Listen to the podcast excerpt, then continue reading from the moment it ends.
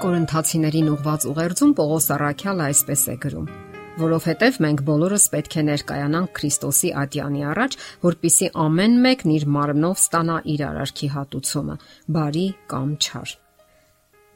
Հնագետները զարմանալի հայտնագործություններ են անում։ Վերջերս նրանք պեղել եւ գտել են ասորական հին սալիկներ, որոնցից մեկի վրա այսպիսի հետաքրքիր տեքստ են վերցանել. Ես այնպիսի զգացում ունեմ, որ աշխարհն իր վերջին օրերն է ապրում ամենուր կաշառակերություն է եւ ամենաթողտվություն։ Կարծես մեր օրերի համար գրված լինի։ Եվ այս տեքստը գրվել է մեր թվարկությունից 2800 տարի առաջ։ Եվ դա parzorosh ցույց է տալիս, որ մարդկային բնույթը չի փոխվել եւ հազարամյակների ընթացքում նույնն է մնացել։ Այդ բնույթը մեղավոր բնույթն է, որ տանում է հավաստի կործանման։ Իսկ մինչ այդ աշխարհը կայուն ու հաստատուն մոտենում է իր վաղճանին։ Մոտ է Քրիստոսի գալուստը եւ աշխարհի կործանումը եւ աշխարհի կործանման այդ վախը մինչեւ այսօր շարունակում է մնալ մարդկանց մեջ։ Նրանց մի մասն իսկապես անկեղծորեն վախենում է Աստծո դատաստանից եւ կարգավորում իր հոգեվոր հարցերը։ Իսկ մեկ այլ հատված լուրջ չի ընդունում այդ ամենը եւ շարունակում է ապրել այնպես, որպես թե Աստված գոյություն չունի։ Ոմանք էլ փորձում են կարգավորել իրենց գործերը հոգեվոր ծառայողների միջոցով ապավինում են նրանց բարեխոսությանը, ծառայությանը եւ այլն։ Սակայն Աստվածային դատը անիմաստության կվերածվեր, եթե ուրիշների ծառայությամբ կամ բարեխոսությամբ հնարավոր լիներ փրկվել։ Աստվածաշունչը լավագույն ուղեցույցն է, որ կարող է պատասխանել շատ ու շատ հարցերի։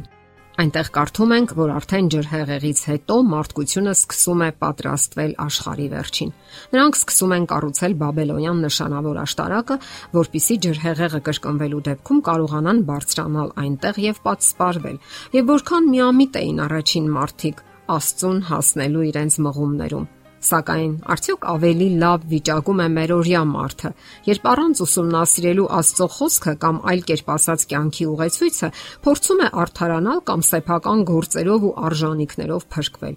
Իսկ բոլոր դեպքերում մարդը չպետք է մոռանա աշխարի ամենակարևոր իրադարձություններից մեկը, որի մասին Աստծո խոսքը գրում է։ Մեկ օր հաստատեց, որ նրանում աշխարը արդարությամբ պիտի դատի։ Իսկ երբ կլինի վերջնական դատաստանը եւ փոխհատուցումը։ Երբ կգա այն օրը, երբ մարդկությունը վերջնականապես կազատագրվի մեղքի բոլոր հետևանքներից։ Աստվածաշունչը գրում է, որ վերջնական ազատագրումը տեղի կունենա այն ժամանակ, երբ Հիսուսը վերադառնա երկիր։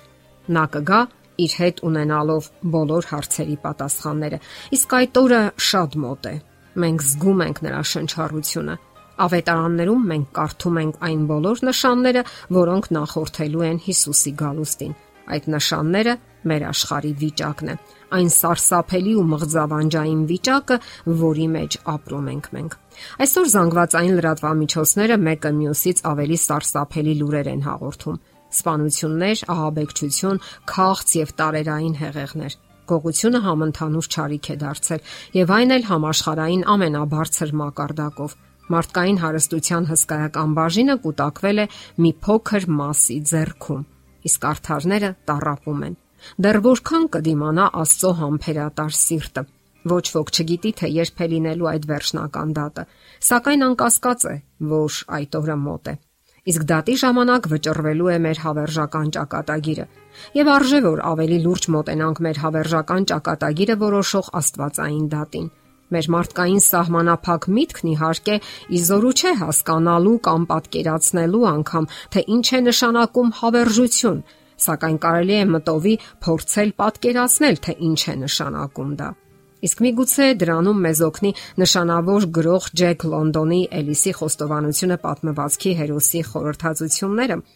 Վայկիկի ծովեզերքին նույնքան ավազ կա, որքան աստղեր կան երկնքում, նույնիսկ ավելի շատ։ Ոչ ոք չի կարող հաշվել այդ ավազը։ Եթե մարդուն բախտ վիճակվեր ապրել միլիոն տարի, այդ ավազները հաշվելու համար, նա կպահանջեր իրեն տարկետում տալ։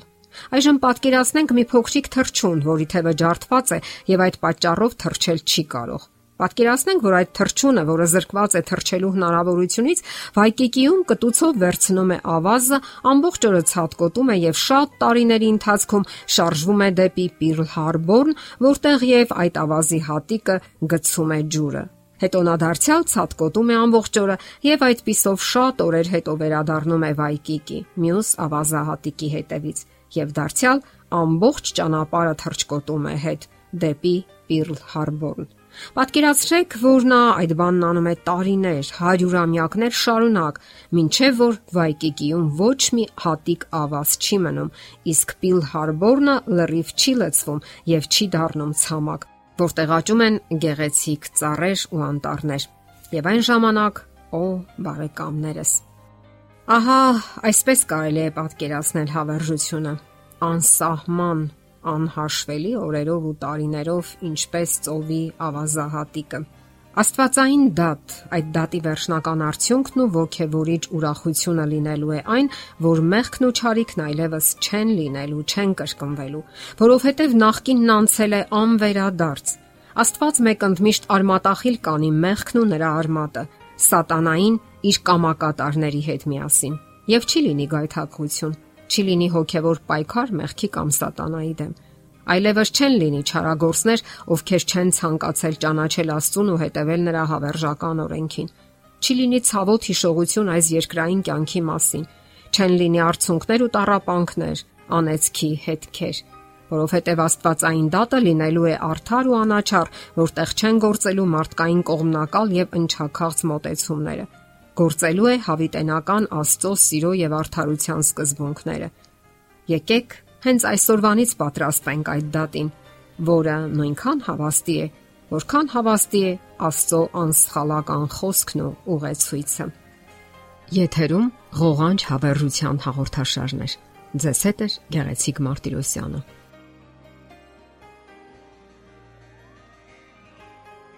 Հարցերի եւ առաջարկությունների համար զանգահարել 033 87 87 87 հեռախոսահամարով։